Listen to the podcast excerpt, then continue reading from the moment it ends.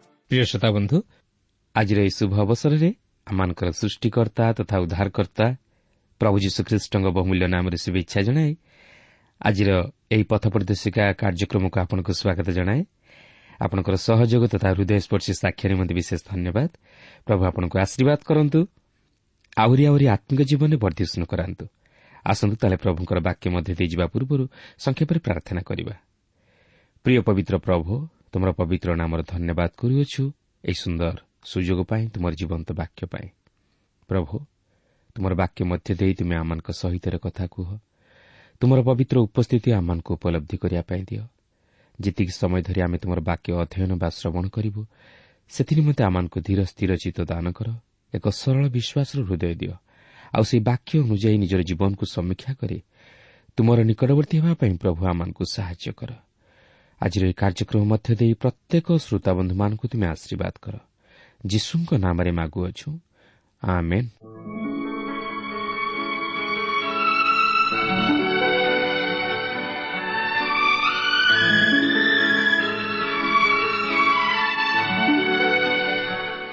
ଆସନ୍ତୁ ବର୍ତ୍ତମାନ ଆମେ ପ୍ରଭୁଙ୍କର ବାକ୍ୟ ମଧ୍ୟକୁ ଯିବା। ଆଜି ଆମେ ରୋମିଓ ଏଗାର ପର୍ବର ପ୍ରଥମ ପଦରୁ ଆରମ୍ଭ କରି ଏକୋଇଶ ପଦ ପର୍ଯ୍ୟନ୍ତ ଅଧ୍ୟୟନ କରିବା ନିମନ୍ତେ ଯିବା। ତେବେ ଏହି ଅଂଶରେ ଆମମାନେ ଦେଖିବାକୁ ଯିବା ଯେ ଇସ୍ରାଏଲ୍ ସହିତ ଈଶ୍ୱରଙ୍କର ଭବିଷ୍ୟତ ଉଦ୍ଦେଶ୍ୟ। ଏଥିପୂର୍ବରୁ ଆମେ ରୋମିଓ ନଅ ପର୍ବରେ ଇସ୍ରାଏଲ୍ ସହିତ ଈଶ୍ୱରଙ୍କର ଅତୀତର ସମ୍ପର୍କ ବିଷୟ ନେଇ ଅଧ୍ୟୟନ କରିଥିଲୁ। ଦଶ ପର୍ବରେ ଇସ୍ରାଏଲ୍ ସହିତ ଈଶ୍ୱରଙ୍କର ବର୍ତ୍ତମାନର ସମ୍ପର୍କ ବିଷୟ ନେଇ ଅଧ୍ୟୟନ କରିଥିଲୁ ଓ ଏକ ଅବଶିଷ୍ଟାଂଶ ଯେ ପରିତ୍ରାଣ ପ୍ରାପ୍ତ ହେଉଛନ୍ତି ତାହା ଦେଖିଥିଲୁ। କିନ୍ତୁ ଆମେ ଦେଖିଛୁ ଯେ ଇସ୍ରାଏଲ୍ ଜାତି ଖ୍ରୀଷ୍ଟଙ୍କୁ ଅଗ୍ରାହ୍ୟ କଲେ କିନ୍ତୁ ବିଶ୍ୱାସ ଦ୍ୱାରା ଖ୍ରୀଷ୍ଟ ଯୀଶୁଙ୍କ ମଧ୍ୟ ଦେଇ ଈଶ୍ୱରଙ୍କ ଧାର୍ମିକତା ସେମାନଙ୍କ ପ୍ରତି ପ୍ରଦତ୍ତ ହେଲା। କିନ୍ତୁ ବର୍ତ୍ତମାନ ଈଶ୍ୱର ସେମାନଙ୍କୁ ଅସ୍ଥାୟୀ ଭାବରେ ଏକ ଜାତି ହିସାବରେ ଅଗ୍ରାହ୍ୟ କରିଅଛନ୍ତି। କିନ୍ତୁ ଏଠାରେ ଦୁଇଟି ପ୍ରଶ୍ନ ମନ ମଧ୍ୟରେ ଆସେ। ପ୍ରଥମ ପ୍ରଶ୍ନ ଈଶ୍ୱର କ'ଣ ସେମାନଙ୍କୁ ଏକ ଜାତି ହିସାବରେ ସବୁ ସମୟ ନିମନ୍ତେ ଅଗ୍ରାହ୍ୟ କରିଅଛନ୍ତି?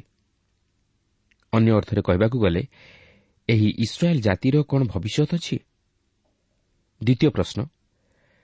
ଈଶ୍ୱର ଇସ୍ରାଏଲ୍କୁ ଅଗ୍ରାହ୍ୟ କରିବା ଦ୍ୱାରା କ'ଣ ସେମାନଙ୍କ ପ୍ରତି ଈଶ୍ୱରଙ୍କର ଦତ୍ତ ସମସ୍ତ ପ୍ରତିଜ୍ଞା ବିଫଳ ହୋଇଅଛି? କେବେ ନୁହେଁ। ଈଶ୍ୱରଙ୍କର ପ୍ରତିଜ୍ଞା କେବେ ହେଲେ ବିଫଳ ହୁଏ ନାହିଁ। ଏହା ଯଦିଓ ବର୍ତ୍ତମାନ ସମୟ ପାଇଁ ନୁହେଁ ମାତ୍ର ଭବିଷ୍ୟତରେ ତାହା ସଫଳ ହେବାକୁ ଯାଉଅଛି। କାରଣ ସେହି ପ୍ରତିଜ୍ଞା ହେଉଛି ଅନନ୍ତ କାଳସ୍ଥାୟୀ ପ୍ରତିଜ୍ଞା। ଦ୍ୱିତୀୟ ବିବରଣ ଅଠେଇଶ ପର୍ବର ଚଉଦ ପଦରେ ଲେଖା ଅଛି ଯାହାକି ଈଶ୍ୱର ପ୍ରତିଜ୍ଞା କରି କହନ୍ତି ସଦାପ୍ରଭୁ ତୁମ୍ଭକୁ ମସ୍ତକ କରିବେ ଲାଙ୍ଗୁଳ କରିବେ ନାହିଁ। ତୁମେ କେବଳ ଉପରିସ୍ଥ ହେବ ପୁଣି ନିଚସ୍ଥ ହେବ ନାହିଁ। ତେବେ ପୁରାତନ ନିୟମରେ ଇସ୍ରାଏଲ୍ ଜାତି ପ୍ରତି କରାଯାଇଥିବା ପ୍ରତିଜ୍ଞା ଆକ୍ଷରିକ ଭାବେ ଭବିଷ୍ୟତରେ ସଫଳ ହେବାକୁ ଯାଉଅଛି। ତାହା ପାଉଲ ଏହି ଏଗାର ପର୍ବରେ ସ୍ପଷ୍ଟ ଭାବେ ପ୍ରକାଶ କରିଦିଅନ୍ତି। ଇସ୍ରାଏଲ୍ର ଏକ ଅବଶିଷ୍ଟାଂଶ ପରିତ୍ରାଣ ପ୍ରାପ୍ତ ହେଉଛନ୍ତି ଯାହାକି ପ୍ରେରିତ ପାଉଲ ଏହି ଏଗାର ପର୍ବର ପ୍ରଥମ ଛଅ ପଦ ମଧ୍ୟରେ ସ୍ପଷ୍ଟ କରିଦିଅନ୍ତି। ତେବେ ଏଗାର ପର୍ବର ପ୍ରଥମ ପଦରେ ଏହିପରି ଲେଖା ଅଛି ତେବେ ମୁଁ କହେ ଈଶ୍ୱର କି ଆପଣା ଲୋକମାନଙ୍କୁ ପରିତ୍ୟାଗ କରିଅଛନ୍ତି? ତାହା କେବେ ନ ହେଉ। କାରଣ ମୁଁ ମଧ୍ୟ ଅବ୍ରାହ୍ମଙ୍କ ବଂଶଜାତ ବିନାମିନ୍ଙ୍କ ଗୋଷ୍ଠୀର ଜଣେ ଇସ୍ରାଏଲୀୟ ଲୋକ। ପାଉଲ ଏଠାରେ ଇସ୍ରାଏଲ୍ ଜାତି ବିଷୟ ନେଇ ପ୍ରକାଶ କରନ୍ତି। ସେ ଏଠାରେ ନିଜକୁ ସେହି ଇସ୍ରାଏଲୀୟମାନଙ୍କ ମଧ୍ୟରୁ ଜଣେ ବୋଲି ପ୍ରମାଣିତ କରାନ୍ତି। ସେ ଅବ୍ରାହ୍ମଙ୍କ ବଂଶଜାତ ଓ ବିନ୍ୟାମିନ୍ଙ୍କ ଗୋଷ୍ଠୀର ଜଣେ ଇସ୍ରାଏଲୀୟ ଲୋକ। ପାଉଲ ଏଠାରେ ପ୍ରମାଣିତ କରିବାକୁ ଚାହାନ୍ତି ଯେ ଈଶ୍ୱର ଇସ୍ରାଏଲ୍କୁ ଏକ ଜାତି ହିସାବରେ ପରିତ୍ୟାଗ କରିନାହାନ୍ତି। ଏହାପରେ ଏଗାର ପର୍ବର ଦୁଇ ଓ ତିନି ପଦରେ ଲେଖା ଅଛି ଈଶ୍ୱର ଆପଣାର ଯେଉଁ ଲୋକମାନଙ୍କୁ ପୂର୍ବରୁ ଜାଣିଥିଲେ ସେମାନଙ୍କୁ ପରିତ୍ୟାଗ କରିନାହାନ୍ତି ଏଲିଓଙ୍କ ବିବରଣରେ ଶାସ୍ତ୍ର କ'ଣ କହେ ତାହା କି ତୁମମାନେ ଜାଣ ନାହିଁ? ସେ କିପରି ଇସ୍ରାଏଲ୍ ବିରୁଦ୍ଧରେ ଈଶ୍ୱରଙ୍କଠାରେ ନିବେଦନ କରନ୍ତି? ପ୍ରଭୁ ସେମାନେ ତୁମ୍ଭର ଭାବାଦୀମାନଙ୍କୁ ବଦ୍ଧ କରିଅଛନ୍ତି ତୁମ୍ଭର ଯଜ୍ଞବେଦୀଗୁଡ଼ିକ ଖୋଳି ପକାଇଅଛନ୍ତି ଆଉ ମୁଁ ଏକାକୀ ଅବଶିଷ୍ଟ ରହିଅଛି। ପୁଣି ସେମାନେ ମୋର ପ୍ରାଣ ନେବାକୁ ଖୋଜୁଅଛନ୍ତି। ପାଉଲ ଏଠାରେ ଏଲିଓଙ୍କୁ ଦୃଷ୍ଟାନ୍ତ ରୂପେ ବ୍ୟବହାର କରନ୍ତି ଯେହେତୁ ଏଲିଓ ଈଶ୍ୱରଙ୍କ ନିମନ୍ତେ ଏକା ଛିଡ଼ା ହୋଇଥିଲେ। ସେ କେବଳ ଜଣେ ଯେ କି ବାଲ୍ର ଚାରିଶହ ପଚାଶ ଜଣ ଭବିଷ୍ୟତ ବକ୍ତାଙ୍କ ବିରୁଦ୍ଧରେ ଈଶ୍ୱରଙ୍କ ତରଫରୁ ଛିଡ଼ା ହୋଇଥିଲେ। କିନ୍ତୁ ଏଲିଓ ଭାବୁଥିଲେ ଯେ ଇସ୍ରାଏଲ୍ ମଧ୍ୟରୁ ସେ କେବଳ ମାତ୍ର ଜଣେ ଯେ କି ଈଶ୍ୱରଙ୍କ ସପକ୍ଷରେ ଛିଡ଼ା ହୋଇଛନ୍ତି। ମାତ୍ର ଈଶ୍ୱର କହନ୍ତି ଏଲିଓ ତୁମେ ଭାବୁଛ ଯେ ତୁମେ କେବଳ ମାତ୍ର ଜଣେ ଅଛ। ମାତ୍ର ତୁମେ ଜଣେ ନୁହଁ। ତୁମ ସହିତ ଏପରି ସାତ ହଜାର ଲୋକ ଅଛନ୍ତି ଯେଉଁମାନେ କି ବାଲ୍ର ସମ୍ମୁଖରେ ଆଣ୍ଠୁ ପକାଇ ନାହାନ୍ତି। ଏଗାର ପର୍ବର ଚାରିପଦରେ ଲେଖା ଅଛି କିନ୍ତୁ ତାଙ୍କୁ ଈଶ୍ୱର କ'ଣ ଉତ୍ତର ଦିଅନ୍ତି? ଯେଉଁମାନେ ବାଲ୍ ସମ୍ମୁଖରେ ଆଣ୍ଠୁ ପକାଇ ନାହାନ୍ତି ଏପରି ସାତ ହଜାର ଲୋକ ଆମ୍ଭେ ଆପଣା ନିମନ୍ତେ ଅବଶିଷ୍ଟ ରଖିଅଛୁ। ଏଲିଓ ଯଦିଓ ଜାଣିନଥିଲେ ମାତ୍ର ଈଶ୍ୱର ସେହି ସମୟରେ ମଧ୍ୟ ସାତ ହଜାର ଇସ୍ରାଏଲୀୟମାନଙ୍କ ହୃଦୟରେ କାର୍ଯ୍ୟ କରିଥିଲେ ଯେଉଁମାନେ କି ଈଶ୍ୱରଙ୍କ ସପକ୍ଷରେ ଥିଲେ। ତେଣୁ ଆହବ ରାଜା ଓ ତାହାଙ୍କର ରାଣୀ ଇସେବଲଙ୍କ ସମୟରେ ମଧ୍ୟ ଇସ୍ରାଏଲ୍ର ଉତ୍ତର ରାଜ୍ୟରେ ଇସ୍ରାଏଲ୍ ମଧ୍ୟରୁ ଏହିପରି ଅବଶିଷ୍ଟାଂଶ ଇସ୍ରାଏଲ୍ ଥିଲେ ଯେଉଁମାନେ କି ଈଶ୍ୱରଙ୍କ ସପକ୍ଷରେ ଛିଡ଼ା ହୋଇଥିଲେ। ଏଗାର ପର୍ବର ପାଞ୍ଚ ପଦରେ ଲେଖା ଅଛି। ସେହିପରି ଏହି ବର୍ତ୍ତମାନ ସମୟରେ ମଧ୍ୟ ଅନୁଗ୍ରହର ନିର୍ବାଚନ ଅନୁସାରେ ଗୋଟିଏ ଅବଶିଷ୍ଟ ଅଂଶ ରହିଅଛି। ବର୍ତ୍ତମାନ ଏହି ଅବଶିଷ୍ଟାଂଶ ଜୁହୁଦୀମାନଙ୍କୁ ନେଇ ଗଠିତ ଯେଉଁମାନେ କି ଖ୍ରୀଷ୍ଟଙ୍କର ନିକଟବର୍ତ୍ତୀ ହେଉଅଛନ୍ତି। ତେଣୁ ଏହି କାରଣରୁ ପରବର୍ତ୍ତୀ ଅଂଶରେ ଆମେ ଲକ୍ଷ୍ୟ କରିବାକୁ ଯିବା ଯେ ସମସ୍ତ ଇସ୍ରାଏଲ୍ ଇସ୍ରାଏଲ୍ ନୁହନ୍ତି ବୋଲି ପ୍ରେରିତ ପାଉଲ ପ୍ରକାଶ କରନ୍ତି।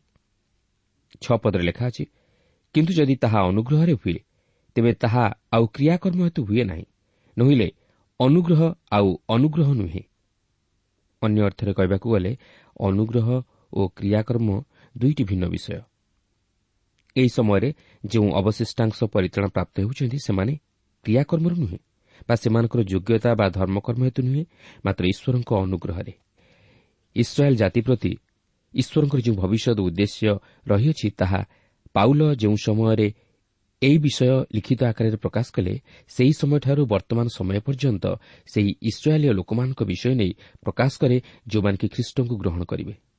ତେବେ ଯେଉଁମାନେ ଖ୍ରୀଷ୍ଟଙ୍କୁ ଗ୍ରହଣ ନ କରିବେ ସେମାନଙ୍କ ବିଷୟ ନେଇ କ'ଣ କୁହାଯାଇପାରେ? ତେବେ ଯେଉଁ ଅବଶିଷ୍ଟ ଇସ୍ରାଏଲୀୟମାନେ ଖ୍ରୀଷ୍ଟଙ୍କୁ ଗ୍ରହଣ ନ କରନ୍ତି ସେମାନେ ଜଡ଼ କରାଯାଇଅଛନ୍ତି। କିନ୍ତୁ ଏଠାରେ ଏକ ଗୁରୁତ୍ୱପୂର୍ଣ୍ଣ ବିଷୟ ହେଉଛି ସେମାନେ ଖ୍ରୀଷ୍ଟଙ୍କଠାରେ ବିଶ୍ୱାସ ନ କରିବା ହେତୁ ଓ ବିଫଳ ହେବା ହେତୁ ଜଡ଼ କରାଗଲେ କିନ୍ତୁ ସେମାନେ ଜଡ଼ କରାଯାଇଥିବା ହେତୁ ବିଫଳ ହେଲେ ନାହିଁ। ଏଗାର ପର୍ବର ସାତ ପଦରୁ ଦଶ ପଦ ମଧ୍ୟରେ ଆମେ ଦେଖୁ ଲେଖା ଅଛି ତେବେ କ'ଣ? ଇସ୍ରାଏଲ୍ ଯାହା ଖୋଜୁଅଛି ତାହା ପାଇନାହିଁ କିନ୍ତୁ ନିର୍ବାଚିତମାନେ ତାହା ପାଇଅଛନ୍ତି ଆଉ ଅବଶିଷ୍ଟମାନେ ଜଡ଼ କରାଗଲେ। ଯେପରି ଲେଖା ଅଛି ଈଶ୍ୱର ଆଜି ପର୍ଯ୍ୟନ୍ତ ସେମାନଙ୍କୁ ଜଡ଼ତାର ଆତ୍ମା ଦେଇଅଛନ୍ତି। ଏପରି ଚକ୍ଷୁ ଦେଇଅଛନ୍ତି ଯେପରି ସେମାନେ ଦେଖିବେ ନାହିଁ ଆଉ ଏପରି କର୍ଣ୍ଣ ଦେଇଅଛନ୍ତି ଯେପରି ସେମାନେ ଶୁଣିବେ ନାହିଁ। ପୁଣି ଦାଉଦ କହନ୍ତି ସେମାନଙ୍କର ଭୋଜନ ଫାନ୍ଦ ଓ ଫାସ ପରି ହେଉ। ପୁଣି ସେମାନଙ୍କ ପ୍ରତି ତାହା ବିଘ୍ନ ଓ ପ୍ରତିଶୋଧ ସ୍ୱରୂପ ହେଉ। ଯେପରି ସେମାନେ ଦେଖି ନ ପାରନ୍ତି ଏଥିପାଇଁ ସେମାନଙ୍କ ଚକ୍ଷୁ ଅନ୍ଧ ହେଉ ଆଉ ତୁମ୍ଭେ ସେମାନଙ୍କ ପୃଷ୍ଠ ସର୍ବଦା କୁବ୍ଜ କରି ରଖ। ଏଠାରେ ପ୍ରଶ୍ନ ଉଠେ ତାହେଲେ ସେମାନେ କ'ଣ ଜଡ଼ା କରାଯାଇଥିବା ହେତୁ ଖ୍ରୀଷ୍ଟଙ୍କ ନିକଟକୁ ଆସିବା ନିମନ୍ତେ ବିଫଳ ହେଲେ ନୁହେଁ। ସେମାନଙ୍କ ନିକଟରେ ସୁଷମାଚାର ଯେପରି ପ୍ରଚାର କରାଯାଇଥିଲା ଅନ୍ୟ କୌଣସି ଜାତିର ଲୋକମାନଙ୍କ ନିକଟରେ ସୁଷମାଚାର ପ୍ରଚାର କରାଯାଇ ନ ଥିଲା ଈଶ୍ୱର ମଧ୍ୟ ଇସ୍ରାଏଲ୍ ପ୍ରତି ଲକ୍ଷ୍ୟ କରି କହନ୍ତି ଆମ୍ଭେ ଅନାଜ୍ଞାବହ ଓ ପ୍ରତିକୂଳବାଦୀ ଲୋକମାନଙ୍କ ପ୍ରତି ଦିନଯାକ ହସ୍ତ ବିସ୍ତାର କରିଅଛୁ। ସେ ସେମାନଙ୍କ ସହିତ ଅତି ଦୀର୍ଘ ସହିଷ୍ଣୁତା ରକ୍ଷା କରି ଆସିଅଛନ୍ତି। କିନ୍ତୁ ବର୍ତ୍ତମାନ ସେମାନେ ଜଡ଼ କରାଯାଇଅଛନ୍ତି ଯେହେତୁ ସେମାନେ ସେହି ଆଲୋକକୁ ଗ୍ରହଣ କରନ୍ତି ନାହିଁ ଯାହାକି ସେ ସେମାନଙ୍କୁ ପ୍ରଦାନ କରିଅଛନ୍ତି। ଆପଣ ଦେଖନ୍ତୁ ସେମାନେ ଅଗ୍ରାହ୍ୟ କରିଥିଲେ। ଯେତେବେଳେ ଜଣେ ମନୁଷ୍ୟ ସୁଷମାଚାରକୁ ଅଗ୍ରାହ୍ୟ କରେ ସେତେବେଳେ ସେ ଈଶ୍ୱରଙ୍କ ଅନୁଗ୍ରହର ନିକଟବର୍ତ୍ତୀ ହେବା ନିମନ୍ତେ ସକ୍ଷମ ହୋଇପାରେ ନା ସେମାନେ ସବୁକିଛି ଦେଖି ଦେଖିପାରନ୍ତି ନାହିଁ ଓ ଶୁଣି ମଧ୍ୟ ଶୁଣିପାରନ୍ତି ନାହିଁ କାରଣ ସେମାନେ ତାହା ଗ୍ରହଣ କରନ୍ତି ନାହିଁ। ସେମାନଙ୍କର ପର୍ବ ପାଳନ ଓ ଭୋଜନପାନ କଳୁଷିତ ଭାବଧାରା ଉପରେ ପର୍ଯ୍ୟବେସିତ ଥିଲା ଯାହାକି ପୁରାପୁରି ବିଜାତୀୟମାନଙ୍କର ଚିନ୍ତାଧାରା ପରି ଥିଲା। ସେମାନଙ୍କର ବାହିକ ଧର୍ମକର୍ମ ସେମାନଙ୍କୁ ପ୍ରତାରିତ କଲା ଓ ସେମାନଙ୍କର ପ୍ରକୃତ ଆତ୍ମିକ ଜୀବନର ବିନାଶର କାରଣ ହେଲା। ସେମାନେ ଈଶ୍ୱରଙ୍କ ଉପରେ ନିର୍ଭର ନ କରି ଯେଉଁ ସମସ୍ତ ବିଷୟ ଭୋଜନ କଲେ ତହିଁ ଉପରେ ବିଶ୍ୱାସ କଲେ। ଆଉ ତାହା ମଧ୍ୟ ଆଜିର ଖ୍ରୀଷ୍ଟ ବିଶ୍ୱାସୀ ମଣ୍ଡଳୀ ମଧ୍ୟରେ ଦେଖାଯାଏ। ସେମାନେ ପ୍ରଭୁଭୋଜର ପ୍ରକୃତ ଆତ୍ମିକ ଭାବକୁ ନ ବୁଝି ପ୍ରଭୁଭୋଜର ଅଂଶୀ ହୁଅନ୍ତି। ଯେଉଁ ପ୍ରଭୁଭୋଜ କି ପ୍ରଭୁ ଯୀଶୁଖ୍ରୀଷ୍ଟଙ୍କର କୃଷି ମୃତ୍ୟୁକୁ ସ୍ମରଣ କରି ପ୍ରତ୍ୟେକ ଖ୍ରୀଷ୍ଟ ବିଶ୍ୱାସୀ ଖ୍ରୀଷ୍ଟଙ୍କ ସହଭାଗିତାର ଅଂଶୀ ହୁଅନ୍ତି। ଈଶ୍ୱର ମଧ୍ୟ ମନୁଷ୍ୟକୁ ଆଲୋକ ପ୍ରଦାନ କରନ୍ତି ଯେପରି ମନୁଷ୍ୟ ପ୍ରକୃତ ବିଷୟ ଦେଖିବାକୁ ପାରେ। କିନ୍ତୁ ଯଦି ସେମାନେ ଅନ୍ଧ ତାହେଲେ ସେମାନେ ଦେଖିପାରିବେ ନାହିଁ। ସେହି ଆଲୋକ ଆଜି ଅନେକ ଲୋକଙ୍କର ସେହି ଆତ୍ମିକ ଅନ୍ଧତାକୁ ପ୍ରକାଶ କରିଦିଏ। ଆଜି ଅନେକ ଜ୍ଞାନୀ ଲୋକ ପବିତ୍ର ବାଇବଲର ସତ୍ୟାସତ୍ୟକୁ ବୁଝିବା ନିମନ୍ତେ ସକ୍ଷମ ନୁହନ୍ତି କାରଣ ସେମାନଙ୍କର ଆତ୍ମିକ ଅନ୍ଧତା ଏପର୍ଯ୍ୟନ୍ତ ଦୂର ହୋଇନାହିଁ। ସେମାନେ ନିଜର ଦୁର୍ବଳତା ପ୍ରତି ସଚେତନ ନୁହନ୍ତି। ଠିକ୍ ତାହା ହିଁ ଇସ୍ରାଏଲ୍ର ଅବଶିଷ୍ଟାଂଶଙ୍କ ପ୍ରତି ଘଟୁଅଛି ଯେଉଁମାନେ କି ଖ୍ରୀଷ୍ଟଙ୍କଠାରେ ବିଶ୍ୱାସ କରନ୍ତି ନାହିଁ କି ତାହାଙ୍କୁ ଗ୍ରହଣ କରନ୍ତି ନାହିଁ। ଏହାପରେ ରୋମିଓ ଏଗାର ପର୍ବର ଏଗାର ପଦରୁ ଏକୋଇଶ ପଦ ମଧ୍ୟରେ ଇସ୍ରାଏଲ୍ ଜାତିକୁ ପୃଥକୀକୃତ କରିବାର କାରଣ କ'ଣ ତାହା ପାଉଲ ଅତି ସ୍ପଷ୍ଟ ଭାବେ ଦର୍ଶାଇବାକୁ ଯାଇ ତହିଁର କାରଣ ଦର୍ଶାନ୍ତି। କାରଣଟି ହେଉଛି ବିଜାତୀୟମାନଙ୍କର ପରିତ୍ରାଣ ନିମନ୍ତେ ଇସ୍ରାଏଲ୍ ଜାତି ପୃଥକ ହୋଇଥିଲେ। ଏଗାର ପର୍ବରେ ଏଗାର ପଦରେ ଲେଖା ଅଛି ତେବେ ମୁଁ କହେ ସେମାନେ କ'ଣ ବିନଷ୍ଟ ହେବା ନିମନ୍ତେ ଝୁଣ୍ଟିଲେ? ତାହା କେବେ ନ ହେଉ। ବରଂ ସେମାନଙ୍କୁ ଉଦ୍ୟୋଗୀ କରିବା ନିମନ୍ତେ ସେମାନଙ୍କ ପତନ ଦ୍ୱାରା ବିଜାତିମାନଙ୍କ ନିକଟରେ ପରିଥାଣ ଉପସ୍ଥିତ ହୋଇଅଛି। ପାଉଲ ଏଠାରେ ଇସ୍ରାଏଲ୍ ଜାତିର ସମ୍ପୂର୍ଣ୍ଣ ପତନକୁ ଦର୍ଶାନ୍ତି ନାହିଁ କାରଣ ଈଶ୍ୱର ଯଦିଓ ସେମାନଙ୍କୁ ଅଗ୍ରାହ୍ୟ କରିଅଛନ୍ତି ମାତ୍ର ସମ୍ପୂର୍ଣ୍ଣ ନୁହେଁ ଏହା ଅସ୍ଥାୟୀ ଓ ଆଂଶିକ ଭାବେ। କିନ୍ତୁ ପାଉଲ ଏଠାରେ କହିବାକୁ ଚାହାନ୍ତି ଯେ ସେମାନଙ୍କର ପତନ ବିଜାତୀୟମାନଙ୍କ ନିମନ୍ତେ ପରିତାଣର ଦ୍ୱାର ଖୋଲିଦେଲା। ଯେପରି ଜିହୁଦୀ ଜାତି ଜାଣିବେ ତଥା ଦେଖିବେ ଯେ ବିଜାତୀୟମାନେ ପରିତାଣର ଅଧିକାରୀ ହୋଇପାରୁଛନ୍ତି। ଏପରିକି ସେମାନେ ଈଶ୍ୱରଙ୍କ ଆଶୀର୍ବାଦ ସବୁକୁ ଅନୁଭବ କରିପାରୁଛନ୍ତି ଯାହାକି ଜିହୁଦୀମାନେ ଭାବୁଥିଲେ ଯେ ତାହା କେବଳ ସେମାନଙ୍କ ନିମନ୍ତେ ସାଧିତ ହୋଇପାରିବ। କିନ୍ତୁ ସେମାନେ ସେହି ପରିତାଣକୁ ଅଗ୍ରାହ୍ୟ କରିବାରୁ ତାହା ବିଜାତୀୟମାନଙ୍କ ପ୍ରତି ବର୍ତ୍ତିଲା। ଯେପରି ସେମାନେ ବିଜାତୀୟମାନଙ୍କ ପ୍ରତି ଈଶ୍ୱରଙ୍କ ଅନୁଗ୍ରହଜନକ ପରିତାଣ ବର୍ତ୍ତିବା ଦେଖି ସେମାନେ ଈଶ୍ୱରଙ୍କ ବିଷୟରେ ଉଦ୍ୟୋଗୀ ହୁଅନ୍ତି। ବାରପଦରେ ଲେଖା ଅଛି ଯଦି ସେମାନଙ୍କ ପତନ ଜଗତର ଧନସ୍ୱରୂପ ଆଉ ସେମାନଙ୍କର ହ୍ରାସ ବିଜାତିମାନଙ୍କର ଧନସ୍ୱରୂପ ହୋଇଅଛି ତାହେଲେ ସେମାନଙ୍କ ପୂର୍ଣ୍ଣତା ଆହୁରି କେତେ ଅଧିକ ଧନସ୍ୱରୂପ ନ ହେବ? ଇସ୍ରାଏଲ୍ ଜାତି ପୃଥକୀକୃତ ହୋଇଅଛନ୍ତି। ଏହାର ଅର୍ଥ ଏହି ଯେ ବର୍ତ୍ତମାନ ଈଶ୍ୱର ସେମାନଙ୍କୁ ଏକ ଜାତି ହିସାବରେ ସେମାନଙ୍କ ସହ ବ୍ୟବହାର କରନ୍ତି ନାହିଁ। ମାତ୍ର ସେମାନଙ୍କୁ ଏକ ଜାତି ହିସାବରେ ଅଗ୍ରାହ୍ୟ କରନ୍ତି। କିନ୍ତୁ ଏହା ଚିରକାଳ ନିମନ୍ତେ ନୁହେଁ। ସେ ସେମାନଙ୍କୁ ପୁନର୍ବାର ଗ୍ରହଣ କରିବେ। ଯେତେବେଳେ ସେମାନେ ବିଶ୍ୱାସ ଓ ବାଧ୍ୟତାର ସହିତ ତାହାଙ୍କର ନିକଟବର୍ତ୍ତୀ ହେବେ ସେତେବେଳେ ସେ ସେମାନଙ୍କୁ ପୁନର୍ବାର ଗ୍ରହଣ କରି ଏକତ୍ରିତ କରାଇବେ। ସେତେବେଳେ ସେମାନେ ଆଉ ସମସ୍ୟାର ସମ୍ମୁଖୀନ ହେବେ ନାହିଁ କି ସେମାନଙ୍କ ମନରେ ଆଉ ଭୟ ରହିବ ନାହିଁ। ସେମାନେ ଶାନ୍ତିରେ ବାସ କରିବେ। କାରଣ ଈଶ୍ୱର ତାହା ସେମାନଙ୍କୁ ସ୍ପଷ୍ଟ ରୂପେ ଜଣାଇ ଦେଇଛନ୍ତି ଯାହାକି ମିଖା ଭବିଷ୍ୟତ ବକ୍ତାଙ୍କ ପୁସ୍ତକ ତହିଁର ଚାରିପର୍ବର ଚାରିପଦରେ ଆମେ ଲକ୍ଷ୍ୟ କରିବାକୁ ପାରୁ। ବର୍ତ୍ତମାନ ଯେହେତୁ ସେମାନଙ୍କର ଏହିପରି ଅଗ୍ରାହ୍ୟ ହେବା ବିଷୟ ବିଜାତୀୟମାନଙ୍କ ପ୍ରତି ଈଶ୍ୱରଙ୍କର ଅନୁଗ୍ରହର କାରଣ ହୋଇଅଛି ତାହେଲେ ଈଶ୍ୱର ଯେତେବେଳେ ଜୁହୁଦୀମାନଙ୍କୁ ପୁନର୍ବାର ଗ୍ରହଣ କରିବେ ସେତେବେଳେ ବିଜାତୀୟମାନଙ୍କ ପ୍ରତି ଈଶ୍ୱରଙ୍କର ଅନୁଗ୍ରହ କେତେ ଅଧିକ ନ ବର୍ତ୍ତିବ? ଏହା ଆହୁରି ଅଧିକ ମାତ୍ରାରେ ବର୍ତ୍ତିବ। ଜାକୁବ ଏହି ବିଷୟ ନେଇ ସେହି ଜିରୁସାଲାମ ମହାସଭାରେ ଅତି ସ୍ପଷ୍ଟ ଭାବେ ଏହିପରି କହନ୍ତି ଈଶ୍ୱର ଇସ୍ରାଏଲୀୟମାନଙ୍କୁ ଯେଉଁପରି ଆହ୍ୱାନ କରନ୍ତି ସେ ମଧ୍ୟ ଆପଣା ନାମ ସକାଶେ ବିଜାତୀୟମାନଙ୍କ ମଧ୍ୟରୁ ମଧ୍ୟ ଅନେକଙ୍କୁ ଆହ୍ୱାନ କରନ୍ତି। ଏହାପରେ ଈଶ୍ୱର କହନ୍ତି ଯାହାକି ପ୍ରେରିତ ପନ୍ଦର ପର୍ବର ଷୋହଳ ସତର ପଦରେ ଲେଖା ଅଛି ଏଥିଭୂତାରେ ଆମ୍ଭେ ବାହୁଡ଼ି ଆସି ଦାଉଦର ପତିତ ଆବାସ ପୁନଃନିର୍ମାଣ କରିବା ପୁଣି ତାହାର ଧ୍ୱଂସ ସ୍ଥାନ ସବୁ ପୁନଃନିର୍ମାଣ କରି ତାହା ପୁନଃସ୍ଥାପନ କରିବା। ଯେପରି ଅବଶିଷ୍ଟ ଲୋକେ ଓ ଯେ ସମସ୍ତ ବିଜାତି ଆମ୍ଭ ନାମରେ ଖ୍ୟାତ ସେମାନେ ପ୍ରଭୁଙ୍କୁ ଅନ୍ୱେଷଣ କରନ୍ତି ସର୍ବସାଧନକର୍ତ୍ତା ପ୍ରଭୁ ଏହା କହନ୍ତି। ତେବେ ଏହିପରି ଏକ ମହାନ ଉଦ୍ଦୀପନା ଓ ଈଶ୍ୱରଙ୍କ ପ୍ରତି ମନଫେରଣର ବିଷୟ ଏହି ପୃଥିବୀରୁ ଖ୍ରୀଷ୍ଟୀୟ ମଣ୍ଡଳୀର ସେହି ମଧ୍ୟାକାଶକୁ ଉର୍ଦ୍ଧ୍ୱଗମନ ପରେ ଘଟିବ ବୋଲି ମୁଁ ବିଶ୍ୱାସ କରେ। କାରଣ ଏପର୍ଯ୍ୟନ୍ତ ଜିହୁଦୀ ଜାତି ପୂର୍ଣ୍ଣ ମାତ୍ରାରେ ଈଶ୍ୱରଙ୍କ ପ୍ରତି ଫେରିନାହାନ୍ତି।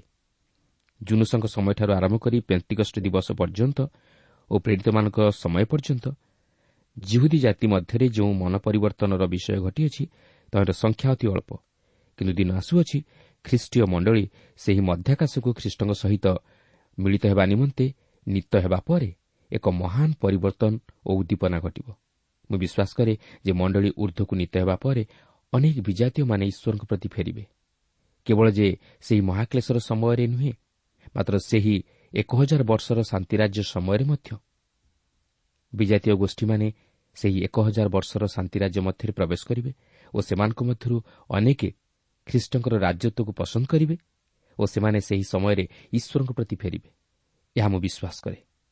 ଏହାପରେ ଏଗାର ପର୍ବର ତେର ଓ ଚଉଦ ପଦରେ ଆମେ ଦେଖୁ ଲେଖା ଅଛି କିନ୍ତୁ ବିଜାତି ଯେ ତୁମ୍ଭେମାନେ ତୁମମାନଙ୍କୁ ମୁଁ କହୁଅଛି ମୁଁ ବିଜାତିମାନଙ୍କ ନିମନ୍ତେ ପ୍ରେରିତ ହେବାରୁ ମୋ ସେବକ ପଦର ଗୌରବ କରୁଅଛି। ଯେପରି କୌଣସି ପ୍ରକାରେ ମୋହର ସୁଜାତିମାନଙ୍କୁ ଉଦ୍ୟୋଗୀ କରାଇ ସେମାନଙ୍କ ମଧ୍ୟରୁ କେତେକଙ୍କୁ ପରିତାଣ କରିପାରେ। ଅନ୍ୟ ଅର୍ଥରେ କହିବାକୁ ଗଲେ ପାଉଲ କହନ୍ତି ମୁଁ ବିଜାତୀୟମାନଙ୍କ ପ୍ରତି ପ୍ରେରିତ ହୋଇଅଛି ଓ ମୁଁ ତହିଁରେ ଆନନ୍ଦ କରେ। କିନ୍ତୁ ମୁଁ ବିଜାତୀୟମାନଙ୍କ ମଧ୍ୟରେ ସୁଷମାଚାର ପ୍ରଚାର କରିବା ଦ୍ୱାରା ବିଶ୍ୱାସ କରେ ଯେ ଏହା ମୋହର ନିଜ ଲୋକମାନଙ୍କୁ ମଧ୍ୟ ଖ୍ରୀଷ୍ଟଙ୍କର ନିକଟବର୍ତ୍ତୀ କରାଇପାରିବ। ଆପଣ ଜାଣିଥିବେ ପାଉଲ କରନ୍ଥୀୟ ମଣ୍ଡଳୀର ବିଶ୍ୱାସୀମାନଙ୍କ ନିକଟକୁ ଏହିପରି ଲେଖନ୍ତି ଯାହାକି ପ୍ରଥମ କରିନ୍ଥୀୟ ନଅ ପର୍ବର କୋଡ଼ିଏ ପଦରେ ଲେଖା ଅଛି ଯେପରି ମୁଁ ଜିହୁଦୀମାନଙ୍କୁ ଲାଭ କରିପାରେ ଏଥିପାଇଁ ଜିହୁଦୀମାନଙ୍କ ନିକଟରେ ମୁଁ ଜିହୁଦୀ ପରି ହେଲି।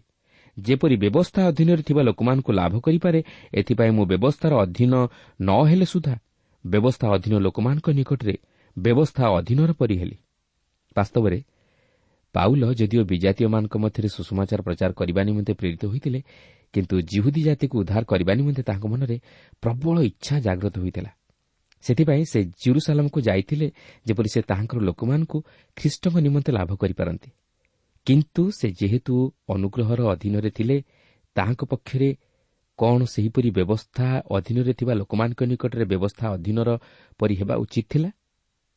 ତେବେ ସେ ଅନୁଗ୍ରହର ଅଧୀନରେ ବାସ କରିବା ଅର୍ଥ ସେ ବ୍ୟବସ୍ଥା ଅଧୀନରେ ବାସ କରିବାକୁ ଯଦି ଚାହିଁଥାନ୍ତେ ତାହେଲେ ସେ ତାହା କରିପାରିଥାନ୍ତେ। ସେହି କରିନ୍ଥୀୟ ପତ୍ରରେ ସେ ଏହିପରି ଉଲ୍ଲେଖ କରନ୍ତି ଯାହାକି ପ୍ରଥମ କରିନ୍ଥୀୟ ନଅ ପର୍ବର ଏକୋଇଶ ପଦରେ ଲେଖା ଅଛି।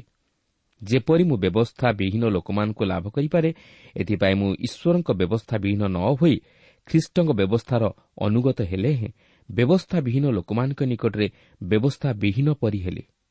ଅନ୍ୟ ଅର୍ଥରେ କହିବାକୁ ଗଲେ ସେ ଖ୍ରୀଷ୍ଟଙ୍କର ବାଧ୍ୟ ହୋଇଥିଲେ। ଏହାପରେ ପାଉଲ ସେହି ପ୍ରଥମ କରିନ୍ଥୀୟ ନଅ ପର୍ବର ବାଇଶ ପଦରେ କହନ୍ତି ଯେପରି ମୁଁ ଦୁର୍ବଳମାନଙ୍କୁ ଲାଭ କରିପାରେ ଏଥିପାଇଁ ମୁଁ ଦୁର୍ବଳମାନଙ୍କ ନିକଟରେ ଦୁର୍ବଳ ପରି ହେଲି ଯେପରି ମୁଁ ଯେକୌଣସି ପ୍ରକାରେ କେତେକଙ୍କୁ ରକ୍ଷା କରିପାରେ ଏଥିପାଇଁ ମୁଁ ସମସ୍ତଙ୍କ ନିକଟରେ ସବୁ ପ୍ରକାର ହୋଇଅଛି। ପାଉଲ ପ୍ରଥମେ ବିଜାତୀୟମାନଙ୍କ ମଧ୍ୟରେ ତାଙ୍କ ସୁଷମାଚାର ପ୍ରଚାର କାର୍ଯ୍ୟ ସମ୍ପନ୍ନ କଲେ ଓ ସେଥିସହିତ ସେ ତାହାଙ୍କର ନିଜ ଲୋକମାନଙ୍କୁ ମଧ୍ୟ ଖ୍ରୀଷ୍ଟଙ୍କର ନିକଟବର୍ତ୍ତୀ କରାଇବାକୁ ଚେଷ୍ଟା କରୁଥିଲେ। ଓ ସେ ମଧ୍ୟ କେତେକ ଜିହୁଦୀମାନଙ୍କୁ ଖ୍ରୀଷ୍ଟଙ୍କ ନିମନ୍ତେ ଲାଭ କଲେ। ଏହିପରି ଭାବେ ପାଉଲ ତାଙ୍କର ପ୍ରଚାର କାର୍ଯ୍ୟ ସମ୍ପନ୍ନ କଲେ ଓ ଈଶ୍ୱର ମଧ୍ୟ ଏହି ସମୟରେ ଉଭୟ ଜିହୁଦୀ ଓ ବିଜାତୀୟମାନଙ୍କ ମଧ୍ୟରେ ତାହାଙ୍କର ଅଭିମତ ସଫଳ କଲେ। ଏହାପରେ ଏଗାର ପର୍ବର ପନ୍ଦର ପଦରେ ଏହିପରି ଲେଖା ଅଛି କାରଣ ଯଦି ସେମାନଙ୍କର ଦୂରୀକରଣ ଦ୍ୱାରା ଜଗତର ମିଳନ ଘଟିଲା ତେବେ ସେମାନଙ୍କ ଗ୍ରହଣ ଦ୍ୱାରା କ'ଣ ନିଶ୍ଚୟ ମୃତମାନଙ୍କ ମଧ୍ୟରୁ ଜୀବନ ଲାଭ ନ ହେବ? ଏହା ସେହି ଭବିଷ୍ୟତର ବିଷୟକୁ ପ୍ରକାଶ କରେ। ଆଉ ମୁଁ ଭାବେ ଯେ ସେହି ମହାନ ଦିନଗୁଡ଼ିକ ଆମମାନଙ୍କ ନିମନ୍ତେ ଅପେକ୍ଷା କରିଅଛି। ବାସ୍ତବରେ ଈଶ୍ୱରଙ୍କ ସନ୍ତାନମାନଙ୍କ ନିମନ୍ତେ ସେହି ଗୌରବ ତଥା ମହିମାର ଦିନ ଆସୁଅଛି। ଈଶ୍ୱରଙ୍କ ସନ୍ତାନମାନଙ୍କ ନିମନ୍ତେ ଏକ ଗୌରବ ତଥା ଉଜ୍ଜଳ ଭବିଷ୍ୟତ ରହିଅଛି। ସେମାନଙ୍କ ନିମନ୍ତେ ସେହି ଅନନ୍ତ ଜୀବନ ସଞ୍ଚିତ ହୋଇ ରହିଅଛି। ଏହାପରେ ଷୋହଳ ପଦରେ ଲେଖା ଅଛି ଆଉ ଯଦି ପ୍ରଥମ ଉତ୍ସର୍ଗୀକୃତ ଅଂଶ ପବିତ୍ର ତାହେଲେ ସମସ୍ତ ପୀଠଉ ମଧ୍ୟ ପବିତ୍ର। ପୁଣି ଯଦି ମୂଳ ପବିତ୍ର ତେବେ ଶାଖା ସବୁ ମଧ୍ୟ ପବିତ୍ର। ଏହାର ଅର୍ଥ ହେଉଛି ସେହି ପ୍ରଥମ ଉତ୍ସର୍ଗୀକୃତ ଅଂଶ ଇସ୍ରାଏଲ୍ ଜାତିର ଉତ୍ପତ୍ତିକୁ ଦର୍ଶାଏ। ସେମାନେ ହେଲେ ଅବ୍ରାହମ୍ ଇସାହାକ୍ ଓ ଜାକୁବ। ଯେହେତୁ ଅବ୍ରାହମ୍ ଇସାହାକ୍ ଓ ଜାକୁବ ଈଶ୍ୱରଙ୍କ ନିମନ୍ତେ ପୃଥକ କରାଯାଇଥିଲେ ତାହେଲେ ସମଗ୍ର ଇସ୍ରାଏଲ୍ ଜାତି କ'ଣ ପୃଥକୀକୃତ ଲୋକ ହେବେ ନାହିଁ? ଆପଣ ଦେଖନ୍ତୁ ସମଗ୍ର ଇସ୍ରାଏଲ୍ ଜାତି ଈଶ୍ୱରଙ୍କର। ସତର ପଦରେ ଲେଖା ଅଛି କିନ୍ତୁ ଯଦି କେତେକ ଶାଖା ଉଚ୍ଛିନ୍ନ ହେଲା ଓ ତୁମ୍ଭେ ବନ୍ୟ ଜିତବୃକ୍ଷର ଶାଖା ହେଲେ ହେଁ ସେହିସବୁ ମଧ୍ୟରେ କଲମ କରାଗଲ। ପୁଣି ସେମାନଙ୍କ ସହିତ ଜିତବୃକ୍ଷ ମୂଳର ରସର ଅଂଶୀ ହେଲ। ଦେଖନ୍ତୁ ଆପଣ ମୁଁ ଆମେ ଇସ୍ରାଏଲ୍ ଜାତି ହେତୁ ଉପକୃତ ହୋଇଅଛୁ। ଆମମାନେ ଈଶ୍ୱରଙ୍କ ଅନୁଗ୍ରହର ଅଂଶୀ ହୋଇଅଛୁ। ଏହାପରେ ଅଠରରୁ ଉଣେଇଶ ପଦ ମଧ୍ୟରେ ଲେଖା ଅଛି ତେବେ ସେହି ଡାଳଗୁଡ଼ିକ ବିରୁଦ୍ଧରେ ଗର୍ବ କର ନାହିଁ କିନ୍ତୁ ଯଦି ଗର୍ବ କର ତୁମେ ଯେ ମୂଳକୁ ଧରିନାହଁ ମାତ୍ର ମୂଳ ତୁମକୁ ଧରିଅଛି ଏହା ଜାଣିଥାଅ। ତେବେ ତୁମେ କହିବ ମୁଁ ଯେପରି କଲମ ହୋଇପାରେ ଏଥିନିମନ୍ତେ ଡାଳଗୁଡ଼ିକ ଉଚ୍ଛିନ୍ନ ହୋଇଅଛି। ଜିତବୃକ୍ଷ ଇସ୍ରାଏଲ୍ ଜାତିର ପ୍ରତୀକ ଓ ସେହି ବନ୍ୟ ଜିତବୃକ୍ଷ ମଣ୍ଡଳୀର ପ୍ରତୀକ। ତେଣୁ ଆମମାନଙ୍କର ପ୍ରତ୍ୟେକଟି ବିଷୟ ସେହି ମୂଳ ସହିତ ସଂଯୁକ୍ତ ହେବାର ବିଷୟ ହେଉଛି ଯେ ଈଶ୍ୱର ଅବ୍ରାହମ୍ ଇସାହାକ ଜାକୁବଙ୍କୁ ଆହ୍ୱାନ କଲେ ଓ ସେହି ଇସ୍ରାଏଲ୍ ଜାତି ମଧ୍ୟରୁ ସେ ପ୍ରଭୁ ଯୀଶୁଖ୍ରୀଷ୍ଟଙ୍କୁ ଉତ୍ପନ୍ନ କରାଇଲେ ଯିଏକି ମୋର ଓ ଆପଣଙ୍କର ପ୍ରଭୁ ଓ ଉଦ୍ଧାରକର୍ତ୍ତା ଈଶ୍ୱର। ଏହାପରେ କୋଡ଼ିଏ ପଦରେ ଲେଖା ଅଛି ଭଲ କଥା ସେମାନଙ୍କର ଅବିଶ୍ୱାସ ହେତୁ ସେମାନେ ଉଚ୍ଛିନ୍ନ ହେଲେ ଆଉ ବିଶ୍ୱାସ ହେତୁ ତୁମ୍ଭେ ସ୍ଥାନ ପ୍ରାପ୍ତ ହୋଇଅଛ। ଗର୍ବିତ ମନା ହୁଅ ନାହିଁ କିନ୍ତୁ ଭୟ କର। ଏଠାରେ ଗୁରୁତ୍ୱପୂର୍ଣ୍ଣ ବିଷୟ ହେଉଛି ଇସ୍ରାଏଲ୍ ଜାତି ସେମାନଙ୍କର ଅବିଶ୍ୱାସ ହେତୁ ଦୂରୀକୃତ ହେଲେ। ମାତ୍ର ଆଜି ଆମମାନେ ନିଜର ଧର୍ମକର୍ମ ବା ଯୋଗ୍ୟତା ବା ଉତ୍ତମ ଜୀବନ ନେଇ ଈଶ୍ୱରଙ୍କ ନିକଟରେ ଛିଡ଼ା ହେଉନାହୁଁ। ମାତ୍ର ଆମମାନଙ୍କର ବିଶ୍ୱାସ ହେତୁ। ଆଉ ତାହା ପ୍ରଭୁ ଯୀଶୁଖ୍ରୀଷ୍ଟଙ୍କଠାରେ ବିଶ୍ୱାସ କରିବା ହେତୁ। ବର୍ତ୍ତମାନ ସେ ଏକ ସତର୍କବାଣୀ ପ୍ରଦାନ କରନ୍ତି ଯାହାକି ଏକୋଇଶ ପଦରେ ଲେଖା ଅଛି। କାରଣ ଯଦି ଈଶ୍ୱର ସ୍ୱାଭାବିକ ଶାଖାଗୁଡ଼ିକୁ ଛାଡ଼ିଦେଲେ ନାହିଁ ତେବେ ତୁମକୁ ମଧ୍ୟ ଛାଡ଼ିବେ ନାହିଁ। ଯେହେତୁ ଈଶ୍ୱର ଇସ୍ରାଏଲ୍ ଜାତିର ଅବାଧ୍ୟତା ତଥା ତାହାଙ୍କଠାରୁ ଦୂରୀକୃତ ଜୀବନଯାପନ କରିବାରୁ ତାହାକୁ ଛାଡ଼ିଲେ ନାହିଁ ତେଣୁକରି ସେ ମଧ୍ୟ ତାହାଙ୍କଠାରୁ ବିମୁଖ ହେବା ମଣ୍ଡଳୀକୁ ମଧ୍ୟ ଛାଡ଼ିବେ ନାହିଁ। ତେଣୁ ପ୍ରିୟ ବନ୍ଧୁ ଆପଣ କ'ଣ ଖ୍ରୀଷ୍ଟଙ୍କଠାରେ ବିଶ୍ୱାସ କରନ୍ତି? ଆପଣ କ'ଣ ସେହି ଖ୍ରୀଷ୍ଟୀୟ ମଣ୍ଡଳୀର ଅଂଶୀ ହୋଇଛନ୍ତି ଯେଉଁ ମଣ୍ଡଳୀ କି ସେହି ଖ୍ରୀଷ୍ଟଙ୍କ ଆଗମନ ସମୟରେ ଉର୍ଦ୍ଧ୍ୱକୁ ନୀତ ହୋଇ ତାହାଙ୍କ ସହିତ ମିଳିତ ହେବା ନିମନ୍ତେ ପ୍ରସ୍ତୁତ ଜୀବନଯାପନ କରୁଅଛନ୍ତି? ତାହା ଆଜି ହିଁ ଜାଣିବା ନିମନ୍ତେ ଚେଷ୍ଟା କରନ୍ତୁ ଓ ଖ୍ରୀଷ୍ଟଙ୍କର ସେହି ଦ୍ୱିତୀୟ ଆଗମନ ନିମନ୍ତେ ପ୍ରସ୍ତୁତ ରୁହନ୍ତୁ। ବର୍ତ୍ତମାନ ଆମେ ସେହି ଇସ୍ରାଏଲ୍ ଜାତିର ଉଦ୍ଧାର ଓ ସୁରକ୍ଷା ବିଷୟ ନେଇ ଲକ୍ଷ୍ୟ କରିବାକୁ ଯିବା ଯାହାକି ଏକ ମହାନ ଆଶୀର୍ବାଦର କାରଣ ହେବ। ଦେଖନ୍ତୁ ଏଗାର ପର୍ବର ବାଇଶ ପଦରେ ଲେଖା ଅଛି ଅତଏବ ଈଶ୍ୱରଙ୍କ ଦୟା ଓ କଠୋରତା ବୁଝ। ଯେଉଁମାନେ ପତିତ ହେଲେ ସେମାନଙ୍କ ପ୍ରତି କଠୋରତା କିନ୍ତୁ ତୁମେ ଯଦି ଈଶ୍ୱରଙ୍କ ଦୟାର ଶରଣାପନ୍ନ ହୋଇ ରହିଥାଅ ତାହେଲେ ତୁମ୍ଭ ପ୍ରତି ତାହାଙ୍କ ଦୟା ନହେଲେ ତୁମ୍ଭେ ମଧ୍ୟ କଟାଯିବ। ଦେଖନ୍ତୁ ପାଉଲଙ୍କର ଏହା ଅତି କଠୋର ବାକ୍ୟ। ମାତ୍ର ସେ ଏହି ବାକ୍ୟ ମାଧ୍ୟମରେ ବିଜାତୀୟ ଖ୍ରୀଷ୍ଟ ବିଶ୍ୱାସୀମାନଙ୍କୁ ଉଦାହରଣ ଛଳରେ ଦୁଇଟି ବିଷୟ ଦୃଷ୍ଟିଗୋଚର କରାଇଦେବାକୁ ଚାହାନ୍ତି। ତାହା ହେଉଛି ଇସ୍ରାଏଲ୍ ଜାତି ପ୍ରତି ଈଶ୍ୱରଙ୍କ କଠୋରତା ଓ ବିଜାତୀୟମାନଙ୍କ ପ୍ରତି ଅର୍ଥାତ୍ ଯେଉଁମାନେ ଖ୍ରୀଷ୍ଟଙ୍କଠାରେ ବିଶ୍ୱାସ କରି ଈଶ୍ୱରଙ୍କର ନିକଟକୁ ଫେରି ଆସିଅଛନ୍ତି ସେମାନଙ୍କ ପ୍ରତି ଈଶ୍ୱରଙ୍କ ଦୟା ପ୍ରକାଶିତ ହୋଇଅଛି। ଈଶ୍ୱରଙ୍କର ଦୟା ଓ ବିଚାର ଆଜି ମଧ୍ୟ ପ୍ରକାଶିତ ହେବା ଆବଶ୍ୟକ। ଈଶ୍ୱରଙ୍କ ବିଚାର ଖ୍ରୀଷ୍ଟଙ୍କୁ ଅଗ୍ରାହ୍ୟ କରିବା ଓ ପାପ ବିରୁଦ୍ଧରେ ପ୍ରକାଶିତ ହେବା ଆବଶ୍ୟକ। ଓ ଯେଉଁମାନେ ଖ୍ରୀଷ୍ଟଙ୍କଠାରେ ବିଶ୍ୱାସ କରନ୍ତି ସେମାନଙ୍କ ପ୍ରତି ଈଶ୍ୱରଙ୍କ ଦୟା ତଥା ଅନୁଗ୍ରହ ପ୍ରକାଶିତ ହେବା ଆବଶ୍ୟକ। ପାଉଲ ଏଠାରେ କେବଳ ଇସ୍ରାଏଲ୍ ଜାତି ପ୍ରତି ଈଶ୍ୱରଙ୍କ ବିଚାରକୁ ପ୍ରକାଶ କରନ୍ତି ନାହିଁ ମାତ୍ର ସେ ଏଥିସହିତ ବିଜାତୀୟ ଖ୍ରୀଷ୍ଟ ବିଶ୍ୱାସୀମାନଙ୍କୁ ସତର୍କ କରାଇ ଦିଅନ୍ତି ଯେପରି ସେମାନେ ଖ୍ରୀଷ୍ଟଙ୍କଠାରୁ ଦୂରବର୍ତ୍ତୀ ଜୀବନଯାପନ କରି ବା ଖ୍ରୀଷ୍ଟଙ୍କୁ ଅବିଶ୍ୱାସ କରି ଈଶ୍ୱରଙ୍କ ବିଚାରର ବଶବର୍ତ୍ତୀ ନ ହୁଅନ୍ତି। ଅନ୍ୟ ଅର୍ଥରେ କହିବାକୁ ଗଲେ ଏଠାରେ ପାଉଲ ବିଜାତୀୟ ଖ୍ରୀଷ୍ଟ ବିଶ୍ୱାସୀମାନଙ୍କୁ ବିଶ୍ୱାସରେ ସ୍ଥିର ରହିବାକୁ କହନ୍ତି ଯେପରି ସେମାନେ ଖ୍ରୀଷ୍ଟଙ୍କଠାରେ ଅବିଶ୍ୱାସ କରି ଈଶ୍ୱରଙ୍କ ବିଚାରର ବଶବର୍ତ୍ତୀ ନ ହୁଅନ୍ତି। ଜିହୁରୀମାନେ ଖ୍ରୀଷ୍ଟଙ୍କଠାରେ ଅବିଶ୍ୱାସ କରି ଈଶ୍ୱରଙ୍କଠାରୁ ଦୂରବର୍ତ୍ତୀ ଜୀବନଯାପନ କରିବାରୁ ଈଶ୍ୱରଙ୍କ ବିଚାରର ସମ୍ମୁଖୀନ ହେଲେ। ସତୁରୀ ଖ୍ରୀଷ୍ଟାବ୍ଦରେ ଜିରୁସାଲାମର ପତନ ଘଟିଲା ଓ ଏହା ପରେ ପରେ ଯେଉଁ ସମସ୍ତ ଘଟଣା ଘଟିଲା ତାହା ଭାବିଲେ ବଡ଼ ଭୟ ଲାଗେ। କିନ୍ତୁ ଆଜି ଆମ ପ୍ରତ୍ୟେକଙ୍କ ପ୍ରତି ଈଶ୍ୱରଙ୍କ ଦୟା ଓ ଅନୁଗ୍ରହ ପ୍ରଚୁର। ଆଜି ଆମେ ଈଶ୍ୱରଙ୍କ ନିକଟବର୍ତ୍ତୀ ହେବାର ସୁଯୋଗ ପାଇଅଛୁ ଓ ପାପରୁ ଉଦ୍ଧାର ପାଇବାର ପଥ ମଧ୍ୟ ପାଇଅଛୁ। କିନ୍ତୁ ଆମମାନଙ୍କର ନିଜର ଧର୍ମକର୍ମ ହେତୁ ନୁହେଁ ମାତ୍ର ଖ୍ରୀଷ୍ଟଙ୍କଠାରେ ବିଶ୍ୱାସ କରିବା ଦ୍ୱାରା ଈଶ୍ୱରଙ୍କ ଅନୁଗ୍ରହର ଅଧିକାରୀ ହୋଇଅଛୁ। କିନ୍ତୁ ଆମେ ଯେପରି ନିଜର ଅବିଶ୍ୱାସ ଓ ସନ୍ଦେହ ଦ୍ୱାରା ଈଶ୍ୱରଙ୍କ ଦୟା ଓ ଅନୁଗ୍ରହକୁ ନ ହରାଉ ଏଥିନିମନ୍ତେ ସତର୍କ ଜୀବନଯାପନ ଓ ଈଶ୍ୱରଙ୍କ ଦୟାର ଶରଣାପନ୍ନ ହୋଇ ରହିବା ଆବଶ୍ୟକ ଓ ଖ୍ରୀଷ୍ଟଙ୍କଠାରେ ବିଶ୍ୱାସରେ ସ୍ଥିର ରହିବା ଆବଶ୍ୟକ। ଏହାପରେ ତେଇଶ ପଦରେ ଲେଖା ଅଛି ଆଉ ସେମାନେ ଯଦି ଅବିଶ୍ୱାସରେ ନ ରୁହନ୍ତି ତେବେ ସେମାନେ ମଧ୍ୟ କଲମ କରାଯିବେ କାରଣ ସେମାନଙ୍କୁ ଆଉଥରେ କଲମ କରିବା ନିମନ୍ତେ ଈଶ୍ୱର ସମର୍ଥ ଅଟନ୍ତି। ଯେହେତୁ ଈଶ୍ୱର ବିଜାତୀୟମାନଙ୍କୁ ସେମାନଙ୍କର ସମସ୍ତ ପ୍ରକାର ଯୋଗ୍ୟତା ତଥା ଧର୍ମକର୍ମ ନଥିବା ସତ୍ତ୍ୱେ ସେମାନଙ୍କ ପ୍ରତି ଦୟା ପ୍ରକାଶ କରି ସେମାନଙ୍କୁ ଉଦ୍ଧାର କଲେ ଠିକ୍ ସେହିପରି ସେ ମଧ୍ୟ ଇସ୍ରାଏଲ୍ ସନ୍ତାନଗଣକୁ ସେମାନଙ୍କର ଧର୍ମକର୍ମ ବା ଯୋଗ୍ୟତା ନଥିବା ସତ୍ତ୍ୱେ ମଧ୍ୟ ସେମାନଙ୍କୁ ସୁରକ୍ଷା କରିବେ ଯଦି ସେମାନେ ଖ୍ରୀଷ୍ଟଙ୍କଠାରେ ବିଶ୍ୱାସରେ ସ୍ଥିର ରୁହନ୍ତି। ଚବିଶ ପଦରେ ଲେଖା ଅଛି କାରଣ ଯାହା ସ୍ୱଭାବତଃ ବନ୍ୟ ଜିତବୃକ୍ଷ ଯଦି ସେଥିରୁ ତୁମ୍ଭେ କଟାଯାଇ ଅସ୍ୱାଭାବିକ ଭାବେ ଉତ୍ତମ ଜିତବୃକ୍ଷରେ କଲମ କରାଗଲ ତେବେ ସ୍ୱାଭାବିକ ଶାଖା ଯେ ଏମାନେ ଏମାନେ କେତେ ଅଧିକ ଭାବରେ ନିଜ ଜିତବୃକ୍ଷରେ କଲମ କରାଯିବେ? ଏହି ଜିତବୃକ୍ଷ ଇସ୍ରାଏଲ୍ ଜାତିକୁ ଉପସ୍ଥାପିତ କରେ ଯାହାର ମୂଳ ହେଉଛନ୍ତି ଅବ୍ରାହମ୍। ଏହି ଜିତବୃକ୍ଷର କେତେକ ଶାଖା କଟାଯାଇଥିଲା କାରଣ ଏପରିକି ଏହି ଜାତି ଈଶ୍ୱରଙ୍କ ଦ୍ୱାରା ଅଗ୍ରାହ୍ୟ ହୋଇଥିଲା। କିନ୍ତୁ ଈଶ୍ୱର ବିଶ୍ୱାସ ଦ୍ୱାରା ବିଜାତୀୟମାନଙ୍କୁ କଲମ କରାଇ ଅବ୍ରାହମ୍ଙ୍କ ସନ୍ତାନ ରୂପେ ଗ୍ରହଣ କରିବା ସଙ୍ଗେ ସଙ୍ଗେ ଖ୍ରୀଷ୍ଟୀୟ ମଣ୍ଡଳୀଭୁକ୍ତ କରାଇଲେ। ଏପରିକି ଇସ୍ରାଏଲୀୟମାନଙ୍କ ମଧ୍ୟରୁ ଅର୍ଥାତ୍ ଜୁହୁଦୀମାନଙ୍କୁ ମଧ୍ୟ ସେହି ପ୍ରକାର କଲମ କରି ଖ୍ରୀଷ୍ଟୀୟ ମଣ୍ଡଳୀଭୁକ୍ତ କରାଇଲେ କିନ୍ତୁ ପୁରାତନ ନିୟମର ବ୍ୟବସ୍ଥା ଅନୁଯାୟୀ ନୁହେଁ। ଯଦି ଈଶ୍ୱର ବିଜାତୀୟମାନଙ୍କୁ ପ୍ରତି ଏପରି କରିପାରିଲେ ତାହେଲେ ଏହା ମଧ୍ୟ ସତ୍ୟ ଯେ ସେ ସେହି ପ୍ରକୃତ ଜିତବୃକ୍ଷର ଶାଖାଗୁଡ଼ିକୁ ଅର୍ଥାତ୍ ଇସ୍ରାଏଲ୍ ସନ୍ତାନଗଣକୁ ବା ଆମେ କହିପାରିବା ସେହି ଜୁହୁଦୀମାନଙ୍କୁ ପୁନର୍ବାର କଲମ କରାଇପାରିବେ ଅନ୍ୟ ଅର୍ଥରେ କହିବାକୁ ଗଲେ ସେ ଇସ୍ରାଏଲ୍କୁ ଚିରକାଳ ନିମନ୍ତେ ଦୂରେଇ ଦେବେ ନାହିଁ ମାତ୍ର ପୁନର୍ବାର ତାହାଙ୍କର ଅସୀମ ଦୟା ଓ ଅନୁଗ୍ରହରେ ସେମାନଙ୍କୁ ଗ୍ରହଣ କରିବେ। ପ୍ରଭା ପ୍ରତ୍ୟେକଙ୍କୁ ଏହି ସଂକ୍ଷିପ୍ତ ଆଲୋଚନା ମଧ୍ୟ ଦେଇ ଆଶୀର୍ବାଦ କରନ୍ତୁ।